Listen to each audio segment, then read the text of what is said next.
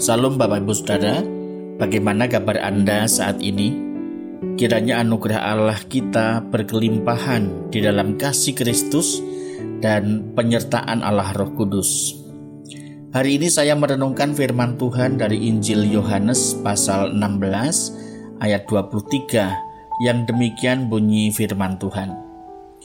Dan pada hari itu kamu tidak akan menanyakan apa-apa kepadaku Aku berkata kepadamu, sesungguhnya segala sesuatu yang kamu minta kepada Bapa akan diberikannya kepadamu dalam namaku. Bagian B, sekali lagi saya ingin bacakan. Aku berkata kepadamu, sesungguhnya segala sesuatu yang kamu minta kepada Bapa akan diberikannya kepadamu dalam namaku. Mengalami kelimpahan kasih Tuhan kasih karunia Allah kepada kita memuat pelbagai berkat kepenuhan jasmani dan rohani yang berkelimpahan setiap hari.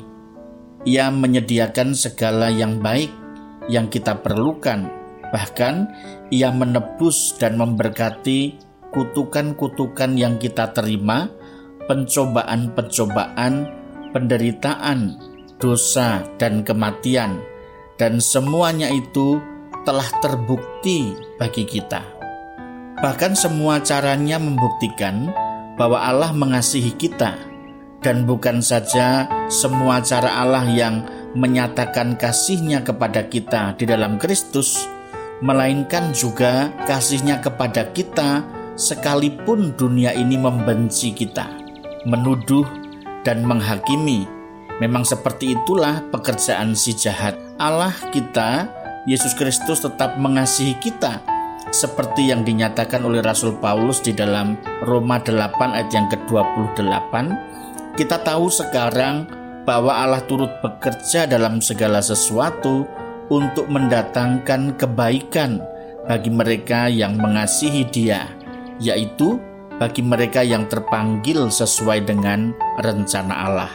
Ini merupakan hak istimewa bagi kita, saudara yang mengasihi Kristus. Bahkan tidak ada yang dapat memisahkan kita dari kasih Allah itu, walaupun itu sesuatu yang buruk sekalipun, sebab Allah menjadikannya untuk mendatangkan kebaikan bagi kita.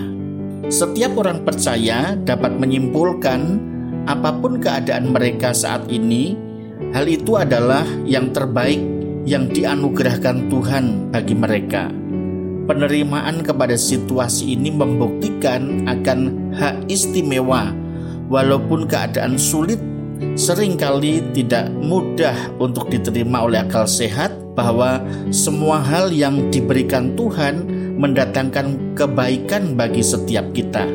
Namun itulah kenyataan dari hal yang paling benar yang diungkapkan oleh Alkitab. Kasih Kristus mengaruniakan kepada kita segala sesuatu yang baik. Ia tidak menahan kebaikan dari orang yang tidak bercela. Mazmur 84 ayat 12. Singa-singa muda merasa kelaparan, tetapi orang yang mencari Tuhan tidak kekurangan sesuatu pun yang baik. Mazmur 34 ayat yang ke-11.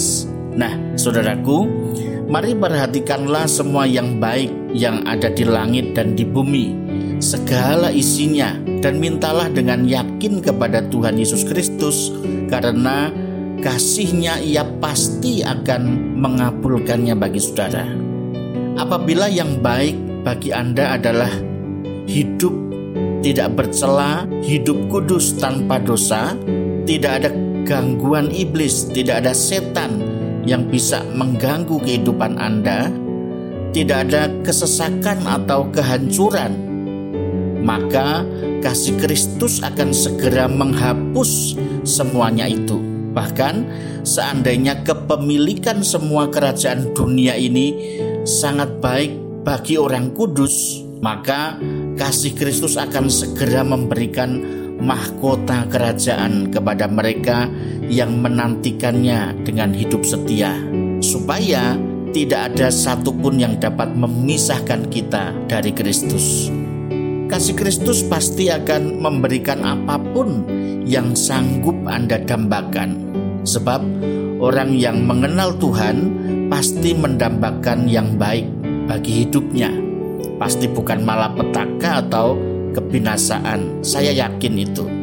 Maka di tengah keadaan apa pun saudara yang saat ini mungkin sedang Anda alami, mintalah sesuatu yang baik bagi hidup Anda, serta bergembiralah karena Tuhan, maka Ia akan memberikan kepadamu apa yang diinginkan hatimu. Mazmur 37 ayat 4. Selamat berefleksi. Kasih Tuhan memenuhi kehidupan kita. Tuhan Yesus memberkati.